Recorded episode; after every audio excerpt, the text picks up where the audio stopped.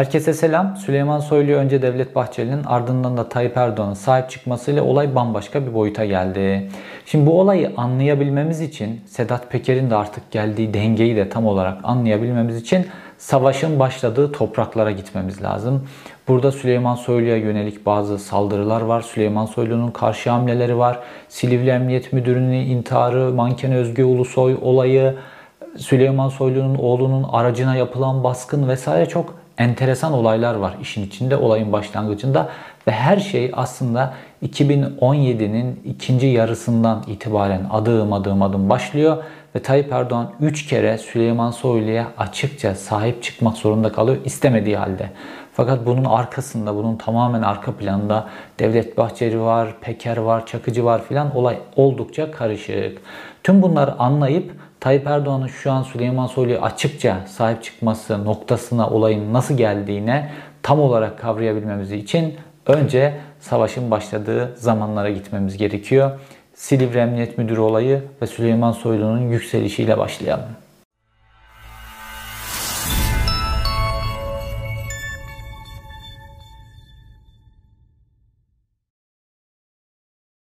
Süleyman Soylu 2012 yılında AK Parti'ye katıldığında her şey süt limandı. Süleyman Soylu en sağlam Erdoğanist profili çiziyordu. AK Parti'de henüz kabinede filan bir görevi yoktu ve Tayyip Erdoğan için son derece verimli bir kişiydi. Çünkü işte konuşma yeteneği var vesaire teşkilatçı, Doğru Yol Partisi'nden, Demokrat Parti'nin içinden gelmiş filan teşkilatlarda filan çalışıyor, alanda çalışıyor. Tayyip Erdoğan için süper adam. Süleyman Soylu'nun o zaman çizdiği profil Tayyip Erdoğan nasıl bir adam istiyorsa öyle bir adam olma profiliydi. Ta ki parti içerisinde, hükümet içerisinde ve kamuoyunda güç kazanıncaya kadar.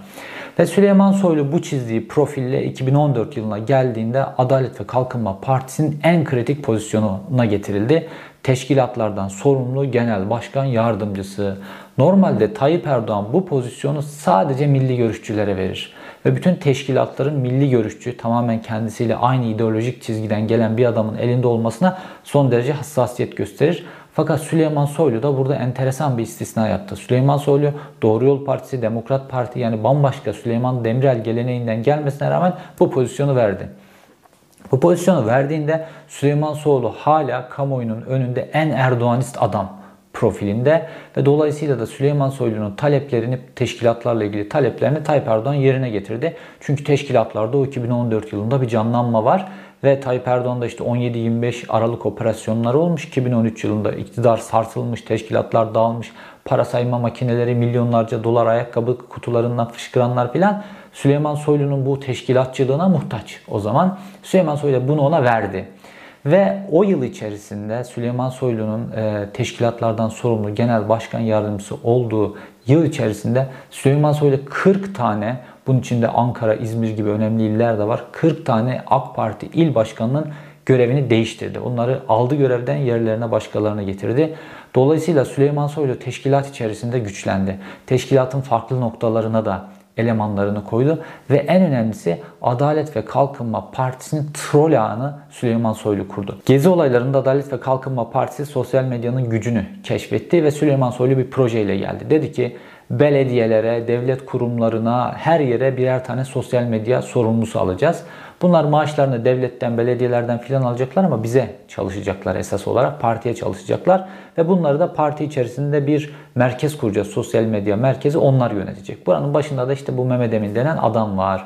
Dolayısıyla bütün bu ağı, troll ağını Süleyman Soylu kurdu. Bu kendi açısından da acayip bir reklam yapma fırsatıydı. Çünkü e, AK Parti medyası, yandaş medya etkinliğini her geçen gün kaybediyor ve olay sosyal medyaya dönüyordu. Ve sosyal medya işini AK Parti'nin sosyal medya işini yapan ekibi de Süleyman Soylu yönetiyordu. Aynı zamanda Süleyman Soylu kendi reklamını da bunlar üzerine yavaş yavaş yapmaya başladı.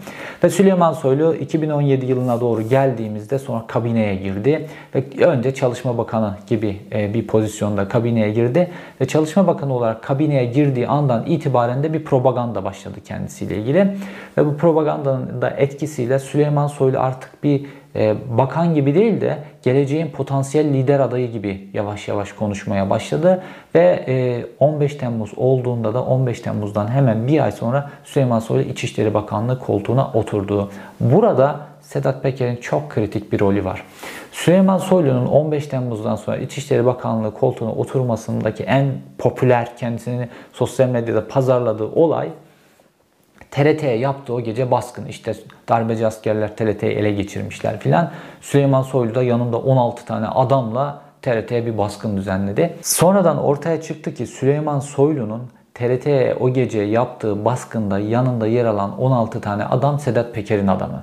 Yani Sedat Peker burada da Süleyman Soylu'ya çok kritik bir destek verdi aslında. Ve bu destek Süleyman Soylu işte TRT'yi ele geçiren, TRT'yi kurtaran adam filan propagandasıyla tabandan Süleyman Soylu İçişleri Bakanlığı koltuğuna geldi. Çok kritik bir pozisyon.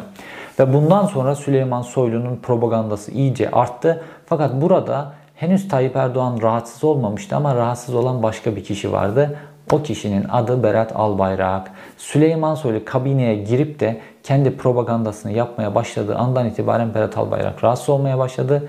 Çünkü parti içerisinde yaptırılan anketlerde Tayyip Erdoğan'dan sonra en çok bilinen, en çok güvenilen adam Süleyman Soylu çıkmaya başlıyordu. Berat Albayrak onun çok altında kalıyordu ve bu Berat Albayrak'ı rahatsız etmeye başladı ve Berat Albayrak Süleyman Soylu'ya yönelik çalışmalara başladı. Şimdi bunun ilk kıvılcımını biz 2018 yılında gördük. 2018'in Şubat ayında Süleyman Soylu memleketi Trabzon'da böyle veda konuşması gibi duygusal bir konuşma yaptı. Ve herkes medya bunu veda konuşması olarak algıladı ve böyle verdiler. Ve Süleyman Soylu'ya yakın sosyal medya hesapları da bu veda konuşması diye bunun e, tanıtımını yaptılar. Ve Tayyip Erdoğan çıktı bir açıklama yaptı. Ben Sayın Bakan, Bakanımla konuştum Süleyman Soylu'yla. Kendisinin arkasındayız.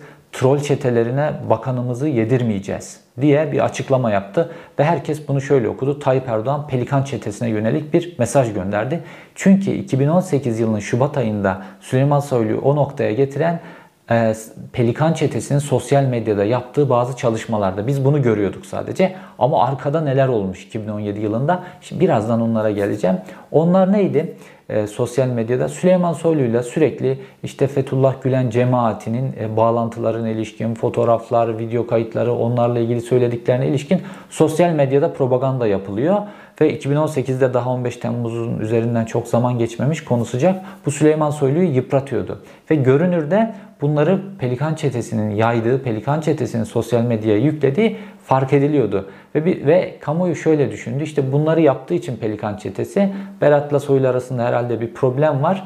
Dolayısıyla da Tayyip Erdoğan da bunları yatıştırdı bu Pelikan Çetesi'ni bastırarak. Fakat olay bu noktaya gelmeden önce arkasında çok derin bir kriminal bir çalışma var. Hem Soylu'dan Berat Albayrak'a hem Berat Albayrak'tan Soylu'ya ama ilk kurşunu Berat Albayrak'ın sıktığını söyleyebiliriz. Şimdi gelelim Silivri Emniyet Müdürü'nün intiharı olayına 2017 e, yılındaki. 2017'nin Temmuz ayının son gününde Silivri Emniyet Müdürlüğü'nün bölgesinde rutin bir yol kontrolü var, rutin bir arama kontrolü var ve bir araç durduruluyor. Araçtaki kişi gözaltına alınıp Silivri Emniyet Müdürlüğü nezarethanesine götürülüyor. Ve götürüldüğü andan itibaren Silivri Emniyet Müdürü Hakan Çalışkan'ın telefonları çalıyor. Şimdi burada iki teori var. Sedat Peker diyor ki o kişinin aracında eroin çıktı. Bu nedenle uyuşturucu çıktı daha doğrusu. Bu nedenle gözaltına alındı diyor.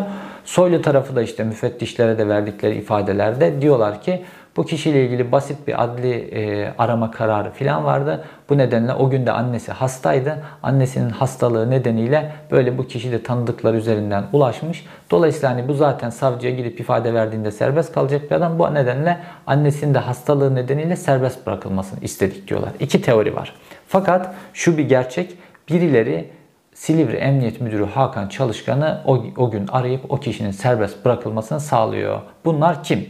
Şimdi İçişleri Bakanlığı'ndan daha sonra müfettişler görevlendirildi ve müfettişler soruşturmayı Süleyman Soylu'ya doğru götürmek üzere sorular sordular. Bu sorular neydi? Bir, o gün İçişleri Bakanı Süleyman Soylu'nun korumaları arıyor. Ee, Silivri Emniyet Müdürü'nü. İki, Emniyet Genel Müdürlüğü Koruma Daire Başkanı Silivri Emniyet Müdürü Hakan Çalışkan arıyor. Şimdi aradıklarında önce şunu söylüyorlar. Böyle böyle bir kişi gözaltına alınmış bunu serbest bırakın diyor. Hakan Çalışkan da diyor ki ya bu kişiyle ilgili gözaltı tutanağı falan yapılmış, gözaltına resmen alınmış. Ancak savcılık mahkeme aşamasına çıktıktan sonra serbest bırakılır artık diyor. Ve Hakan Çalışkan'a deniyor ki bakanın yakını, bakanın talimat var bu kişiyi serbest bırakın diyor. Şimdi korumalar, koruma daire başkanı üst üste arayınca Hakan Çalışkan da söz konusu kişiyi serbest bırakıyor. Ve nasıl oluyorsa o anda İstanbul Emniyet Müdürü Mustafa Çalışkan'ın haberi oluyor. Şimdi Hakan Çalışkan'la Mustafa Çalışkan'ın soy isimleri aynı ama bir akrabalıkları yok. İstanbul Emniyet Müdürü Mustafa Çalışkan da o dönem Berat Albayrak'ın en sağlam adamı. İstanbul Emniyet Müdürlüğü Berat Albayrak'ın elinde, İstanbul Adliyesi Berat Albayrak'ın elinde. Hani Sedat Peker Soylu'ya e, demiş ya niye benimle ilgili soruşturma var? Soylu da demiş ki ya İstanbul benim kontrolümde değil Berat'ın kontrolünde. Hakikaten de o dönem Mustafa Çalışkan dönemin Emniyet Müdürü ve Adliye e, Berat Albayrak'a bağlı. Ve o dönem bunu nasıl keşfetmişler? Böyle soylu tarafındaki bir e, hareketlilik var Mustafa Çalışkan'a yönelik. Daha sonra birazdan o konuya geleceğim. O dönem Süleyman Soylu ve yakınlarının telefonları dinlemeye alınmış. Düşünün Türkiye Cumhuriyeti'nin İçişleri Bakanı ve yakınları dinlemeye alınmış durumda. Ve bu böyle bir suça karıştığını yani bir kişiyi gözaltından illegal biçimde serbest bıraktırdıklarını keşfedince bunun üzerine gidiyorlar. Ve İstanbul Emniyet Müdürü Mustafa Çalışkan Silivri Emniyet Müdürü Hakan Çalışkan'a diyor ki e, niye serbest bıraktırdın bu adamı? O da diyor ki işte böyle bakanın korumaları, koruma daire başkanı aradı. Bakanın ricası olduğunu söylediler bu yüzden. Diyor ki hemen diyor bir tutanak tut. Bu kişiyi şu şu şu şu suçlamadan dolayı gözaltına alındık, şu sebeplerle gözaltına aldık. Bunun serbest bırakılması ile ilgili İçişleri Bakanı Süleyman Soylu'nun şu koruması İçişleri Bakanlığı, Emniyet Genel Müdürlüğü, Koruma Daire Başkanı e, Ekrem Gülen bu sebeple aradı ve bu sebeple ben serbest bıraktırdım diye baskı altında kalıp diye bir tutanak tut diyor ve bunu tutanak altına geçir sonra da savcıya gönder diyor. Şimdi yani İstanbul Emniyet Müdürü bağlı bulunduğu İçişleri Bakanı Süleyman Soylu'yu yargıya taşıyacak bir mekanizmayı tetiklemesini istiyor Silivri Emniyet Müdürü'nden. Şimdi genç bir emniyet müdürü iki arada bir derede kalıyor. Bir taraftan bakan ve bakanın yakınındaki kişilerin baskısı, bir taraftan İstanbul Emniyet Müdürü ve onun arkasında Berat Albayrak'ın olduğunu biliyor. İkisinin baskısı. Aslında tepede iki bakanın ortasında kalıyor bir tane ilçe emniyet müdürü. Şimdi 2017'nin yazından bahsediyoruz. O günlerde daha bu Gülen cemaatiyle ilgili soruşturmalar inanılmaz sıcak böyle. Binlerce polis gözaltına alınıyor, emniyet müdürleri gözaltına alınıyor. Şimdi bu Soylu tarafından ya da Berat tarafından herhangi birisi bu polis de e, cemaatçiymiş diye bir iddia çıktığında adamın hayatı biter. Meslekten atılır, tutuklanır olur bu olur. Çünkü hani bazı şeyler öyle bir lastik terör örgütü e, tanımı var ki bazı şeyler bazı kişiler için suç olmuyor ama bazı kişiler için suç oluyor. Mesela Berat Albayrak'ın Güven cemaatindeki okullara gidip orada eğitim görmesi ve liseyi oradan bitirmesi, ortaokulu liseyi oradan bitirmesi onun için suç olmuyor. Bakan olabiliyor. Hatta Milli Güvenlik Kurulu üyesi olacak kadar bir bakan olup devletin bütün bilgilerine ulaşacak kadar pozisyona geliyor. Fakat bir emniyet müdürü bir değil yüzlerce emniyet müdürü işte Gülen cemaatine yakın bir dershane ya da okula gittikleri için mesleklerine atıldılar. Kim neyin neye göre suç olduğuna iktidar karar veriyor. Şimdi bu emniyet müdürü de tabii böyle bir suçlamayla maruz kalsa derdin anlatana kadar birkaç yıl hapis cezası alır ve inanılmaz bir baskı altında kalıyor ve telefonlar devam ediyor. Bir taraf niye tutanak tutmuyorsun hala diye bastırıyor. Bir tarafta olayı kapat diye bastırıyor. Böyle iki bakanın arasında Berat'la Soylu'nun arasında kalıyor emniyet müdürü ve 31 Temmuz 2017 akşamı Silivri Emniyet Müdürü Hakan Çalışkan makam odasında kafasına bir kurşun sıkarak e, hayatına son veriyor. Olay ondan sonra patlıyor. Şimdi bu emniyet müdürü neden intihar etti? Bunu Süleyman Soylu da biliyor, Berat Albayrak tarafı da biliyor. O gün çünkü yaşananlar bu baskıyı ikisi de biliyorlar. Şimdi bununla ilgili bir soruşturma açılacak. Önce bu tip bir intihar, herhangi bir bu tip böyle bir şeyle ilgili savcılık otomatikmen devreye girer ve bu konuyu soruşturur. Ve hemen Silivri Cumhuriyet Başsavcılığı üzerine bir baskı başlıyor ve bu soruşturmanın kapatılması ile ilgili bir baskı başlıyor. Şimdi o dönem Berat Albayrak hem İstanbul Emniyetine hem İstanbul e, Adliyesine hakim. E, hatta bunu Sedat Peker kendisi Berat Albayrak'la olan diyaloğunu anlatır. Kendisi Süleyman Soylu ile ilgili diyaloğunu anlatırken diyor ki işte Soylu'ya diyor akrabam üzerinden haber gönderdim. Niye bana yönelik soruşturma açıldı İstanbul'da diye Soylu akrabasına demiş ki İstanbul benim kontrolümde değil İstanbul'u Berat yönetiyor diyor. Hakikaten de o dönem hem dönemin İstanbul Emniyet Müdürü Mustafa Çalışkan hem de e, adliye Berat Albayrak'ın kontrolünde. Berat Albayrak ikisine de hakim. Yani İstanbul'un imparatoru gibi bir şey Berat Albayrak. Tek kaybettikleri şey sonradan İstanbul e, Belediye Başkanlığı oldu. Ve müfettişler, İçişleri Bakanlığı müfettişleri dolayısıyla devreye giriyorlar. Fakat o dönem Berat Albayrak, e, Süleyman Soylu İçişleri Bakanı olmasına rağmen Berat Albayrak bazı adamlarını İçişleri Bakanlığı'nda kritik pozisyonlara Tayyip Erdoğan'ın gücünü kullanarak koymuş. Dolayısıyla bu müfettiş mekanizması da Berat Albayrak'ın hala kontrolünde İçişleri Bakanlığı'nda. Ve müfettişler sorgulamaya başlıyorlar. O dönemin işte e, Hakan Çalışkan'a yakın isimleri vesaire ve sonra da ismi geçen işte Hakan Çalışkan'ı o gün arayan, koruma daire başkanı, Soylu'nun korumaları vesaire bunları ifadeye çağırıyorlar ve ifadelerini almaya başlıyorlar. Ve müfettişler ifadeleri Süleyman Soylu'ya doğru gidecek biçimde soruyorlar. Diyorlar ki bakanın talimatıyla mı aradın, bakanın e, talebi doğrultusunda bu kişinin serbest bırakılmasını mı istedin vesaire böyle sorular soruyorlar. Ve korumalarda, koruma daire başkanı da konuyu değiştiriyor, başka şeyler söylüyorlar vesaire kapatmaya çalışıyorlar. Fakat bu çok büyük bir kriz ve Süleyman Soylu o dönem artık kendisinin telefonlarının vesaire dinlendiğini ve kendisiyle ilgili e, delil kendisiyle ilgili koz toplamaya çalıştığını Berat Albayrak'ın artık çok net biçimde fark ediyor. Fakat bu iki fillerin e, tepişmesi arasında genç bir emniyet müdürü kaldığı baskı altında, o 2017'nin ortamını düşünün, kaldığı baskı altında intihar etmek durumunda kalıyor. Fakat daha sonra aynı süreçte e, Berat Albayrak'ın hamleleri bitmiyor ve Berat Albayrak bu sefer de Süleyman Soylu'nun oğluna yönelik hamle yapıyor. Çünkü iddialara göre Süleyman Soylu'nun söz konusu kişiyi Silivri Emniyet Müdürlüğü'nden serbest bıraktırmak istemesinin sebebi o kişinin Süleyman Soylu'nun oğlu Engin Levent Soylu'nun arkadaşı olması ve dolayısıyla Engin Levent Soylu'nun bağlarına ilişkin Berat Albayrak cephesi bu sefer ona doğru bir atak başlatıyor ve Süleyman Soylu'nun oğlu enteresan bir olayla karşı karşıya kalıyor. Silivri Emniyet Müdürü'nün intiharı Ağustos 2017'de gerçekleşiyor ve artık kavga kızışmış. Ekim 2017'ye geldiğimizde bu sefer daha enteresan bir olay oluyor. Yani birkaç ay sonra İçişleri Bakanı Süleyman Soylu'nun oğlu Engin Levent Soylu'nun aracı bu sefer durduruluyor. Yine rutin bir arama sırasında. Ve Engin Levent Soylu'nun arabasında ki Engin Levent Soylu'nun korumaları da var. Korumaları olduğu halde Yunus ekipleri tarafından geniş bir Yunus ekibi katılımıyla aracı durduruluyor ve araç aracında narkotik araması yapılıyor. Yani uyuşturucu araması yapılıyor aracında. Şimdi Sedat Peker diyor ya benim evimi bastılar, benim evimi narkotik köpekleriyle aradılar vesaire diye bundan yakınıyor ya. Ve bundan dolayı Süleyman Soylu'yu suçluyor vesaire. Süleyman Soylu kendi oğlunun aracının narkotik araması yapıldığını engelleyememiş daha. O dönem İstanbul şartlarında. Ve Ekim ayında Süleyman Soylu'nun oğlunun aracı durdurulup böyle aradık, aranmaya başladığından sonra tabii kriz patlıyor. Ve e, Süleyman Soylu İstanbul Emniyet Müdürünü arıyor. Mustafa Çalışkan o dönem İstanbul Emniyet Müdürü Berat Albayrak'ın adamı. Mustafa Çalışkan telefonlara çıkmıyor. Düşün İl Emniyet Müdürü bakanın telefonlarına çıkmıyor. Çünkü o dönemde o an o operasyonu o yaptırıyor. Yani Süleyman Soylu'nun oğlunun arabasının durdurulup narkotik araması yapılması operasyonunu o yaptırıyor. Ve enteresan Silivri Emniyet Müdürlüğü'nün intiharı ile ilgili haberler çıktı yandaş medyada. Bu haberlerin içerisine böyle bir tane cümle konuldu. Ee, Silivri Emniyet Müdürü Mustafa Çalışkan e, uyuşturucu konusuyla ilgili hassasiyetiyle bilinir. Uyuşturucu konusuyla ilgili hassasiyetiyle bilinirdi diye bir cümle koydular oraya. Bir kılçık koydular. Ve ondan birkaç ay sonra da bu sefer İçişleri Bakanlığı'nın oğlunun arabasına narkotik arama yapılıyor. Yani Berat Albayrak diyor ki senin diyor bu oğlun üzerinden senin üzerinden bazı uyuşturucu bağlantıları var filan ben bunları biliyorum bunlara doğru uzuyorum. Belki de o gün e, Engin Levent Soylu'nun aracında uyuşturucu bulmayı murad ediyorlardı ama anlaşılan böyle bir şey bulamamışlar.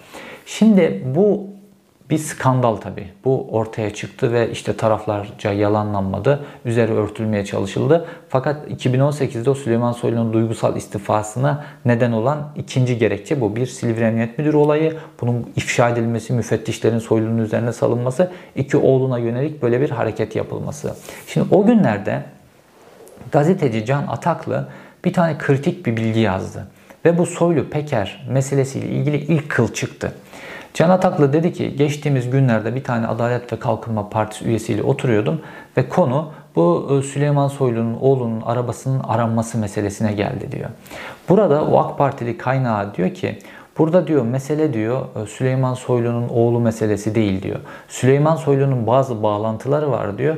Bunlarla ilgili parti içerisinde diyor rahatsızlıklar var diyor. Parti içerisinde dediği aslına bakarsanız partinin yönetimi Berat Albayrak vesaire. Ne bu rahatsızlık? Şöyle diyor AK Partili kaynağı. Süleyman Soylu İçişleri Bakanlığı'nı bir mafya grubuyla beraber yönetiyor diyor. Hatta O mafya grubu Süleyman Soylu 15 Temmuz gecesi TRT'yi basmaya gittiğinde 16 tane adamını verdi Süleyman Soylu'ya ve o mafya grubunun adamlarıyla gitti diyor. Ve bunu da daha sonra Tayyip Erdoğan öğrendi diyor. Onların o mafya grubunun adamları olduğunu vesaire. Şimdi o yani Süleyman Soylu'nun İçişleri Bakanlığı'nı e, birlikte yönettiği iddia edilen mafya grubunun şu an Sedat Peker olduğunu bütün kamuoyu hepimiz öğrendik. Fakat o dönem için daha mesajlar kapalı kapalı veriliyor. 2017 yılından bahsediyorum. Kapalı kapalı veriliyor. Bu bir ikinci bir skandal böyle. Soylu artık şunu fark ediyor. Berat Albayrak ailem üzerinden dahi beni hedef alıyor, benim işimi bitirecek. Ama o günler daha Soylu'nun popülaritesinin zirve olduğu günler. İşte Hendek operasyonlarından sonraki dönem milliyetçilik zirve yapmış ülkede. 15 Temmuz bunun üzerine gelmiş milliyetçilik iyice zirve yapmış. Süleyman Soylu en hamasi söylemlerle bunun dibine vurmuş filan. Popülaritesi acayip yüksek. Anketler de Berat'ı katlamış. Tayyip Erdoğan'a doğru yaklaşıyor neredeyse. AK Parti tabanına ilişkin anketlerde. Fakat Tayyip Erdoğan da artık yavaş yavaş bu kavgadan, Berat Süleyman kavgası ve Süleyman Soylu'nun artık böyle bir lider adayı gibi davranmasından rahatsız. Ve Süleyman Soylu bu rahatsızlığın bu şekilde devam etmesi halinde kendisinin de bir buna ilişkin bir atak yapmaması halinde görevden alınacağını düşünüyor ve 2018 yılında işte o meşhur veda konuşması gibi atağını yapıp yerini sağlamlaştırıyor. Fakat bunun hemen öncesinde daha doğrusu aynı sıralarda başka bir skandal patlak verdi. Süleyman Soylu'nun telefonlarının dinlenmesi skandalı. Süleyman Soylu Şubat 2018'de Tayyip Erdoğan'ın kamuoyuna açık bir biçimde kendisinin yanında Pelikan grubuna karşı yaptığı bu açıklamayı cebine koyduktan sonra bu sefer Pelikan grubuna yönelik hemen hamlesini yaptı bir ay sonra ve Şubat 2018'de medyaya şöyle bir haber düştü. Süleyman Soylu'nun cep telefonu İstanbul Emniyetinde görevli 6 tane polis memuru tarafından dinlendi. Haberin detaylarına göre 6 tane polis memuru Süleyman Soylu ve etrafındaki kişilerin cep telefonlarını önce sorgulamış sonra da dinlemeye almışlardı.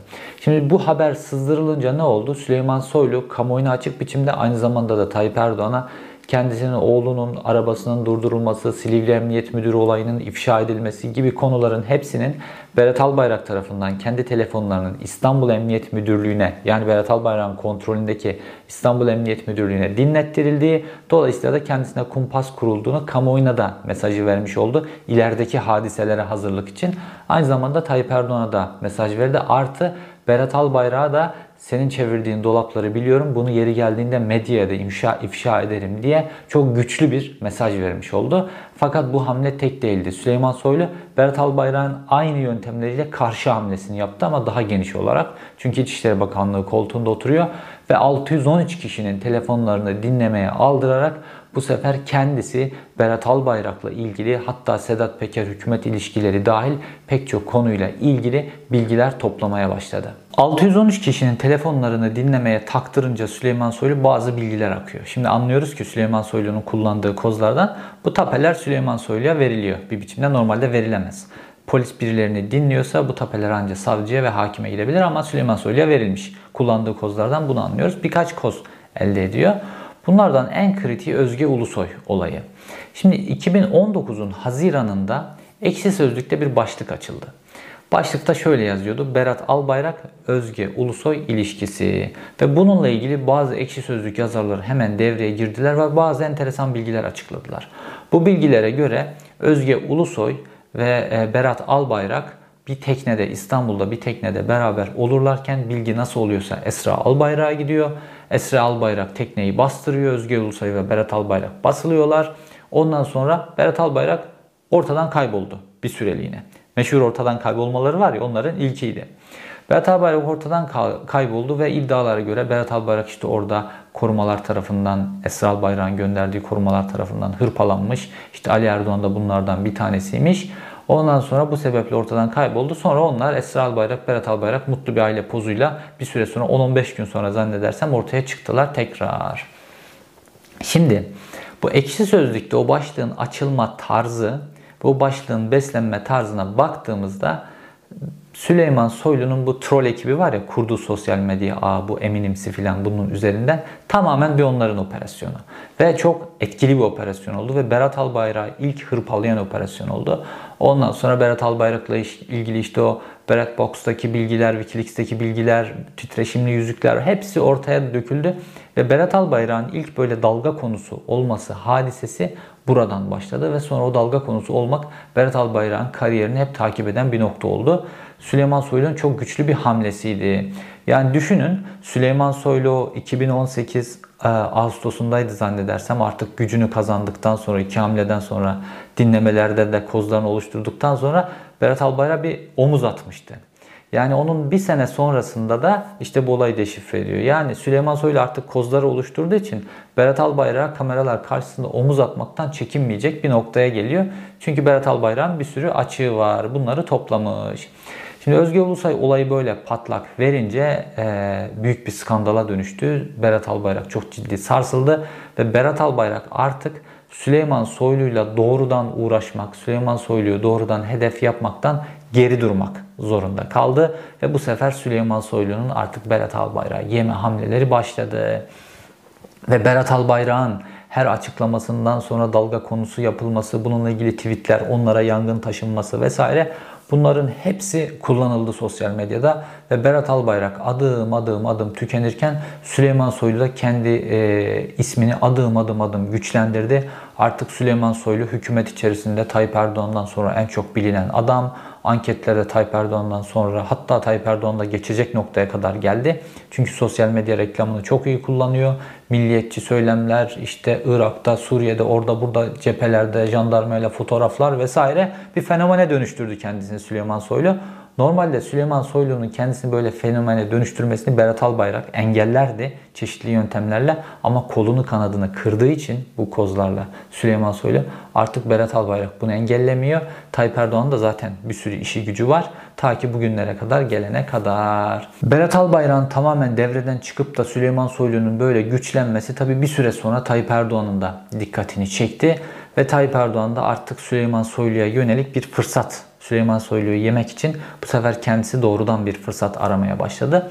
Pandeminin ilk sürecindeki kriz Tayyip Erdoğan istediği şeyi verdi. Tayyip Erdoğan böyle yemini bekler bekler fırsatını kollar. Çok sabırlıdır bu konuda. Bu fırsatı verdi.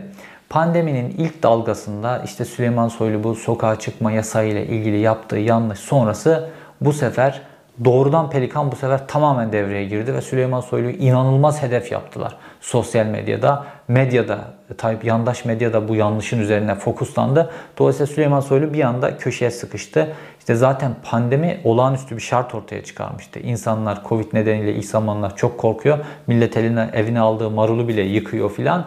Bir sokağa çıkma yasakları insanları çıldırtmış filan vesaire. Bu Süleyman Soylu için çok büyük dezavantajdı. Ve Süleyman Soylu bu pandemiyi öngöremediği için burada böyle bir kritik hata yapınca Tayyip Erdoğan'ın kendisini görevden almasının artık kolay olduğunu bütün bu kozlara rağmen gördü olağanüstü şartlar içerisinde. Ve Süleyman Soylu beni böyle görevden almasın, kendim istifa etmiş olayım, halk sağlığını çok önemli, önemsemiş filan diye. Ve Süleyman Soylu doğrudan istifa etti. Çok akıllıca bir hamle. Ve tabi Süleyman Soylu bütün bu süreç içerisinde de e, Devlet Bahçeli'yi bağlamış. Devlet Bahçeli'nin bakanı gibi hareket ediyor hükümet içerisinde. Yani ülkücü kadroları istediği yerlere İçişleri Bakanlığı'nda, Emniyet Genel Müdürlüğü'nde, Nüfus Vatandaşlık İşleri Genel Müdürlüğü'nde ülkücü birisini göndersin Devlet Bahçeli hemen onu oraya atıyor. İşte Mehmet Ağar'la olan gerilimi, eski tarihi gerilimini azaltmak için Mehmet Ağar kadrolarının da önünü açmış bir taraftan. Kendisine yönelik kendisi de bir koalisyon kurmuş aslında. E, koalisyon içinde Süleyman Soylu. Ve Devlet Bahçeli tabii ki hemen devreye girdi. Süleyman Soylu istifasını açıklayınca Mayıs 2020'de ve e, Devlet Bahçeli'nin hemen devreye girip Süleyman Soylu'ya sahip çıkması Tayyip Erdoğan elini bağladı. Şimdi zaten o günler pandemi filan ve e, koalisyon ortağı böyle açıkça sahip çıkmış. Dolayısıyla Tayyip Erdoğan da Süleyman Soylu olayını yatıştırdı. Fakat Süleyman Soylu bir çizik yedi kamuoyunun gözünün önünde. Ve Süleyman Soylu o gün işte kendisine yakın kişilere ne diyor? Tayyip Erdoğan iyi burada beni yemedi ama ilk fırsatta beni yiyecek diye çevresine söylüyor ve Süleyman Soylu da bunun hazırlıklarını yapıyor. Tayyip Erdoğan da o fırsatı bekliyor idi. Şimdi baktığımızda hadiseye bir e, bakan bu Tayyip Erdoğan'ın damadı Berat Albayrak ve bir İçişleri Bakanı Süleyman Soylu. İkisi de Tayyip Erdoğan sonrasına yönelik hesaplar yapan iki figür. Ve bu iki figürün Tayyip Erdoğan sonrasına yönelik hesaplar yaparken kullandıkları yöntemler, birbirlerinin telefonlarını dinletmeleri, birbirlerine yönelik tuzaklar kurmaları, bunda tamamen devlet mekanizmalarını kullanmaları filan ülkeyi ne hale getiriyor ve ülkenin içerisinde işte şimdi Sedat Peker gibi bir mafya grubu İçişleri Bakanlığı'nı yönetecek hatta hükümete yönelik hamleler yapabilecek bir güce ulaşıyor. Bu bir. İkincisi bir tane gencecik emniyet müdürü intihar etti. Bu ikinci skandal. Bunlar çok büyük kayıplar Türkiye açısından. Mafyanın bu derece güçlenmesi, e, devletin bürokratlarının intihar edecek noktalara gelmesi. Bu büyük bir kayıp. Fakat Tayyip Erdoğan'ın eline bir avantaj geçti. Sedat Peker'in ilk yayınladığı kasetlerden itibaren ta Arnavutluk'tan Sedat Peker'in Süleyman Soylu ile olan bağını yeterince güçlü olarak kamuoyuna gösterebilirse bunun üzerinden Süleyman Soylu'yu yiyebilirdi. Burada Süleyman Soylu geçmişten beri tanıştığı 15 Temmuz gecesi bile kendisine adam veren Sedat Peker'le organize biçimde hareket etti ama bu alemde Tayyip Erdoğan çok güçlü olduğu için hala Sedat Peker'in bir noktada kendisini satabileceğine ilişkin de Süleyman Soylu bazı emniyet sübapları oluşturmuş. İşte Metin Külüngün Sedat Peker'den 10 bin dolar maaş aldığına ilişkin bilgileri dinleme kayıtlarından oluşturmuş anlaşılan Sedat Peker grubunu da dinletince. Bu önemli bir koz ve bunu kullanıyor şimdi Süleyman Soylu. Diyor televizyonda işte bir milletvekili Sedat Peker'den 10 bin dolar maaş alıyor. O bir muhalif milletvekili değil, AKP'li milletvekili Metin Külünk. Tayyip Erdoğan'a çok yakın bir isim.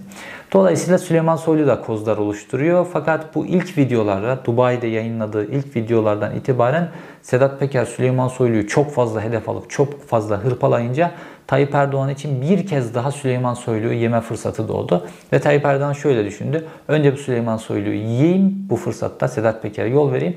Sonra Sedat Peker'le ya anlaşırım ya ben de Sedat Peker'i yerim filan. Çünkü düşmanlarını tek tek yer Tayyip Erdoğan.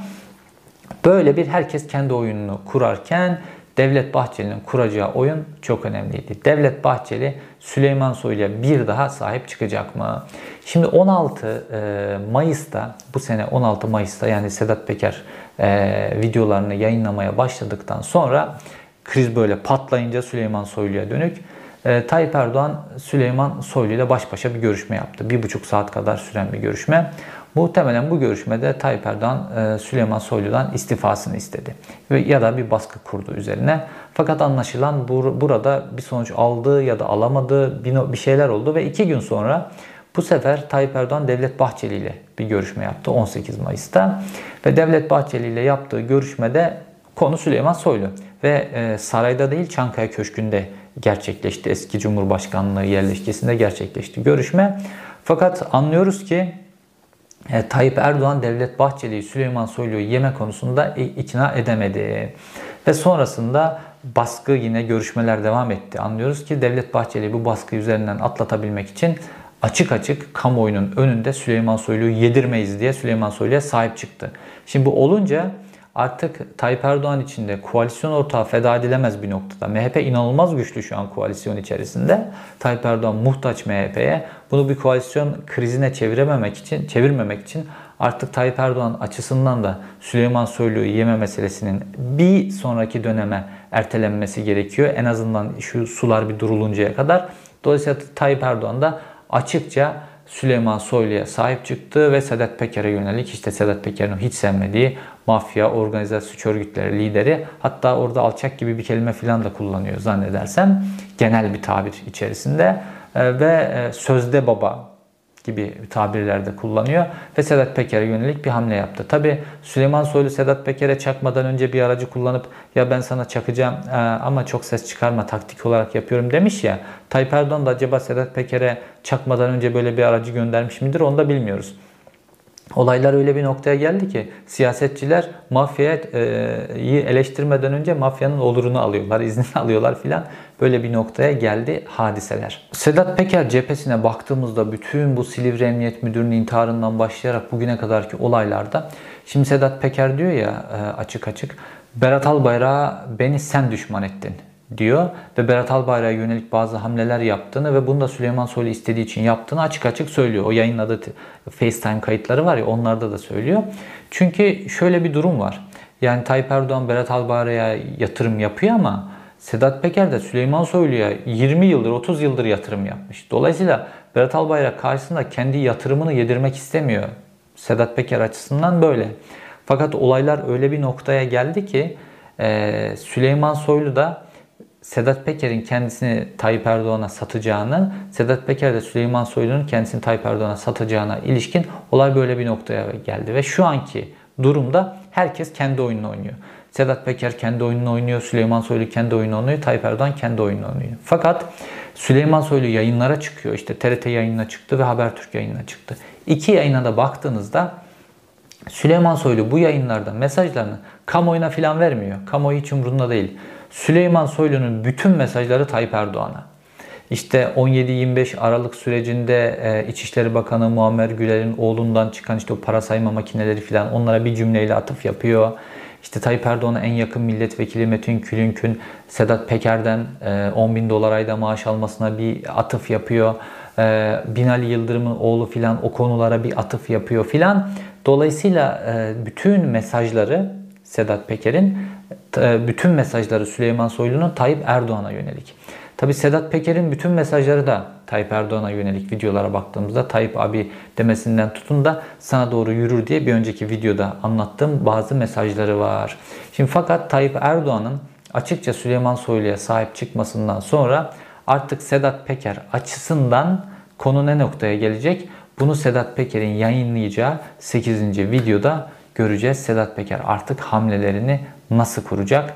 Seni tasmayla köpek gibi dolaştırırım dediği adama Tayyip Erdoğan açıkça ben bu adamı yedirmem diye sahip çıktı ve Sedat Peker'e de sözde mafya lideri, sözde e, yeraltı dünyasının lideri diye hitap etti. Şimdi Sedat Peker'in 8. videosunda süreç nereye gidecek bunu daha iyi anlayacağız. O videonun ardından da bir analizle karşınızda olacağım. İzlediğiniz için teşekkür ederim. Bir sonraki videoda görüşmek üzere.